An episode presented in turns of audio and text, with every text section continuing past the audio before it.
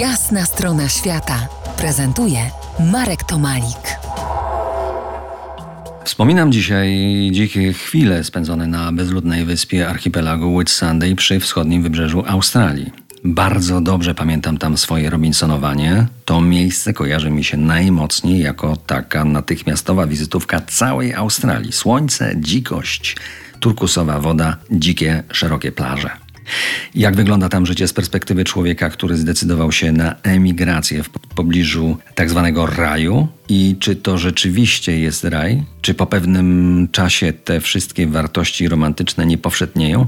Zapytałem o to mieszkającego u wrót raju Piotra Ferenca, zawodowego żeglarza. Posłuchajcie, co mi powiedział. W raju żyje się super, ale rzeczywiście w pewnym momencie takie rzeczy powszednieją takie rzeczy jak wieloryby, które turyści chcą koniecznie oglądać, powodują to, że prom zamiast płynąć bezpośrednio na lotnisko, zatrzymuje się i turyści przez pół godziny oglądają skaczące wieloryby.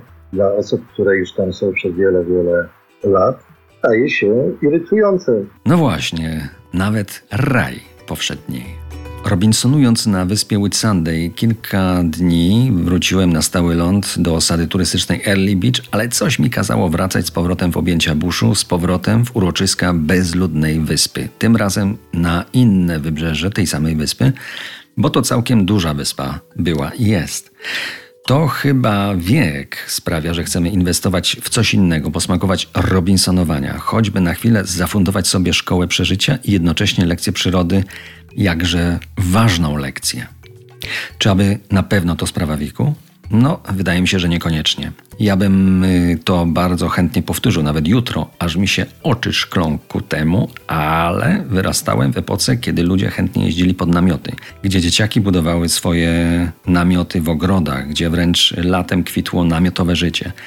Dziś nikt by dzieciakom nie zaproponował spania w dzikości natury, no może za wyjątkiem Krzysztofa Kwiatkowskiego, nieocenionego pedagoga survivalu, kiedyś gościa jasnej strony świata. Tak bardzo odskoczyliśmy od natury, że przed wejściem do lasu z zamiarem spędzenia tam nocy polecam jego książki. Przejście z ekranu dotykowego w real dla wielu może okazać się po prostu szokiem. Za kilkanaście minut wrócimy do Australii w wymiarze zdecydowanie mniej survivalowym. To jest jasna strona świata w RMS Classic.